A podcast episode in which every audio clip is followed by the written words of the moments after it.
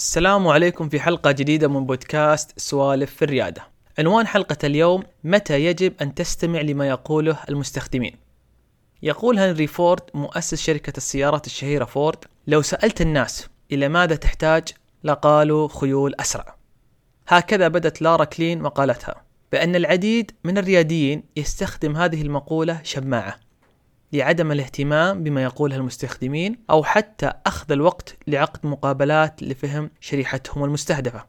ولأن لارا باحثة متخصصة في تجربة المستخدم ولها خبرة طويلة في هذا المجال وعقدت العديد من المقابلات مع عدة شرائح من العملاء لمشاريع ريادية شهيرة وصلت للنتيجة التالية لمقولة فورد. مهما يكن عليك أن تسألهم لكن بشرط أن تسألهم الأسئلة الصحيحة التي تساعدك للوصول لبناء منتج وتجربة مميزة لهم. وتقول أيضا هؤلاء المستخدمون جيدون في شرح مشكلتهم. أين الأخطاء؟ أو العناصر المتعبة أو الغير مفيدة لهم في منتجك ودورك يكمن في إيجاد الحل لها. ففي مثال فورد سمع لهم واستنتج أن المشكلة الحقيقية أنهم كانوا يريدون وسيلة مواصلات أسرع. ولكن فورد لم يستمع لحلهم.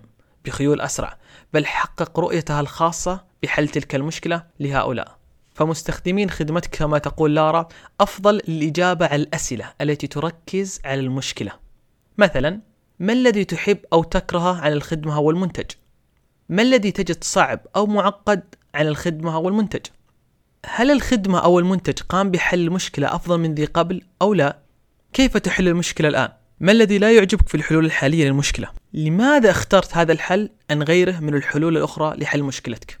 المستخدمين كما تنصح لارا ليسوا جيدين للإجابة على الأسئلة التي تطلب منهم اقتراح الحلول أو ما هو جديد التقنية أو من تنصح باستخدام الحل المحصلة التي أريدك أن تخرج بها من هذه الحلقة عندما يقترحون حل اسألهم لماذا يريدون هذا الحل لتصل للمشكلة الحقيقية ومن ثم أنت وفريقك تصل للحل المناسب لحل هذه المشكلة.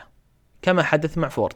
أضفت مقالة لارا عن الموضوع بالإضافة لمقالات أخرى مفيدة في مقالة المدونة لهذه الحلقة. مع السلامة وبمان الله.